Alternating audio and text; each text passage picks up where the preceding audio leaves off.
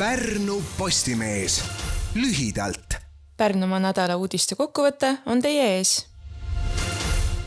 Pärnu Postimees avaldas sel nädalal pika ülevaate kohtu alla sattunud kolmest Pärnumaa noormehest, kes pealtnäha hakkajate ärimeestena igal oma firma taskus otsisid töötajaid näiteks külapoest, bussijaamast ja sotsiaalmajast. potentsiaalsed töötajad pidid olema vähemalt kahekümne ühe aastased, maksehäireteta ja võimalikult digivõõrad ja olles leidnud üles need kõige haavatavamad, petsid oma ohvritelt välja nende ID-kaardid ja paroolid ning võtsid tuhandeid eurosid laenu. Põhja-Pärnumaal Kodesmaa külas ärkas mees pühapäeva öösel vastu esmaspäeva suitsuanduri häire peale. puitmajakese üürnikul oli omajagu õnne, et signaal teda äratas, sest toas oli selleks ajaks suitsuvingu ning majast väljudes avastas mees põleva välisseina ja terrassi, mida ta ämbriga vett tuues kustutama asus esmaste kustutustööde järel kutsus mees päästjad, kelle saabudes olid suuremad leegid juba summutatud. põlengu tekkepõhjust selgitatakse sel neljapäeval avati Pärnu jõe kaldal Sindi kärestiku juures eriline roheala, mis täiendab kärestikule rajatavat veespordikeskust, mille esimene etapp äsja valmis sai ala katab suures osas looduslik kruusamuru ja seda ilmestavad kodumaistest taimedest lilleniidud ning pärismaised puud ja põõsad.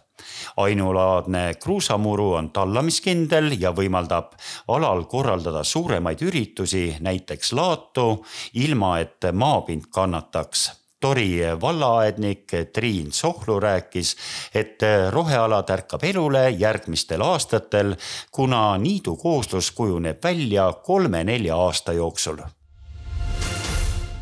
politsei sai laupäeva õhtul teate, et kolmekümne nelja aastane mees lasi spaas rusikad käiku.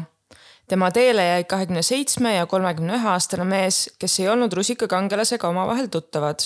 kaklus toimus spa, sauna ja veealal koridoris politsei pidas lööja kuriteos kahtlustatavana kinni ja toimetas jaoskonda.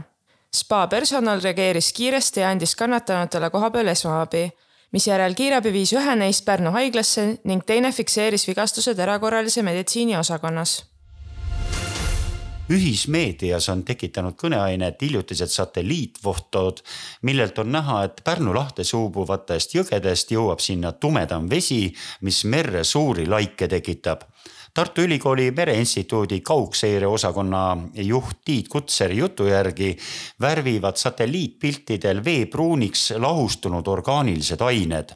Suurim kõdunemine toimub soodes ja rabades ning sealt tuleb ka suurem osa seda värvust omavat orgaanilist ainet. Aastaid tühjana seisnud Mai keskus vahetas hiljuti omanikku, kes on asunud hoones tegutsevate üürilistega lepinguid lõpetama, et saaks hoonet lammutama hakata praeguse seisuga plaanitakse hoone lammutada talvisel või kevadisel ajal, kui õhuniiskus suurem ja tolmu lendleb vähem. Mai keskuse suurim üürnik on praegu Pärnu Keskraamatukogu Ranna filiaal, mis kolib järgmisel sügisel Papiniidu ja Metsa tänava nurgal ehitatava Mai erikeskuse teisele korrusele selle nädala uudiste kokkuvõtte tõid teieni Raido Keskküla ja Grete-Liisa Sihver. kõiki lugusid saab põhjalikumalt lugeda Pärnu Postimehe veebist Pärnu Postimees. Lühidalt